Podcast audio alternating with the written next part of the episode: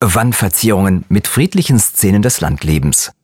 Als wäre die Natur in die Stadt eingedrungen. Szenen dieser Art waren in den Stadtschlössern des 18. Jahrhunderts sehr beliebt. Schauen Sie einmal durchs Fenster. Sie befinden sich in einem stattlichen Haus am Vreidachmarkt, das in der Mitte des 18. Jahrhunderts erbaut wurde. In dieser Zeit ließ Junker François Jean Moretus am Vreidachmarkt das neue Vorgebäude errichten, in dem wir uns gerade befinden.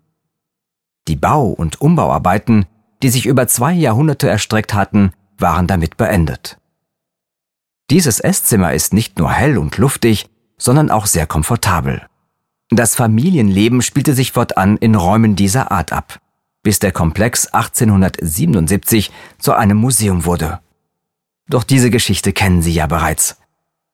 Herzlichen Dank für Ihre Aufmerksamkeit und Ihren Besuch. Wir hoffen, dass es Ihnen gefallen hat.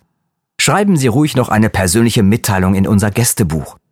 Dann werden Sie auch zu einem Autor dieses Hauses. Auf Wiedersehen und bis zum nächsten Mal.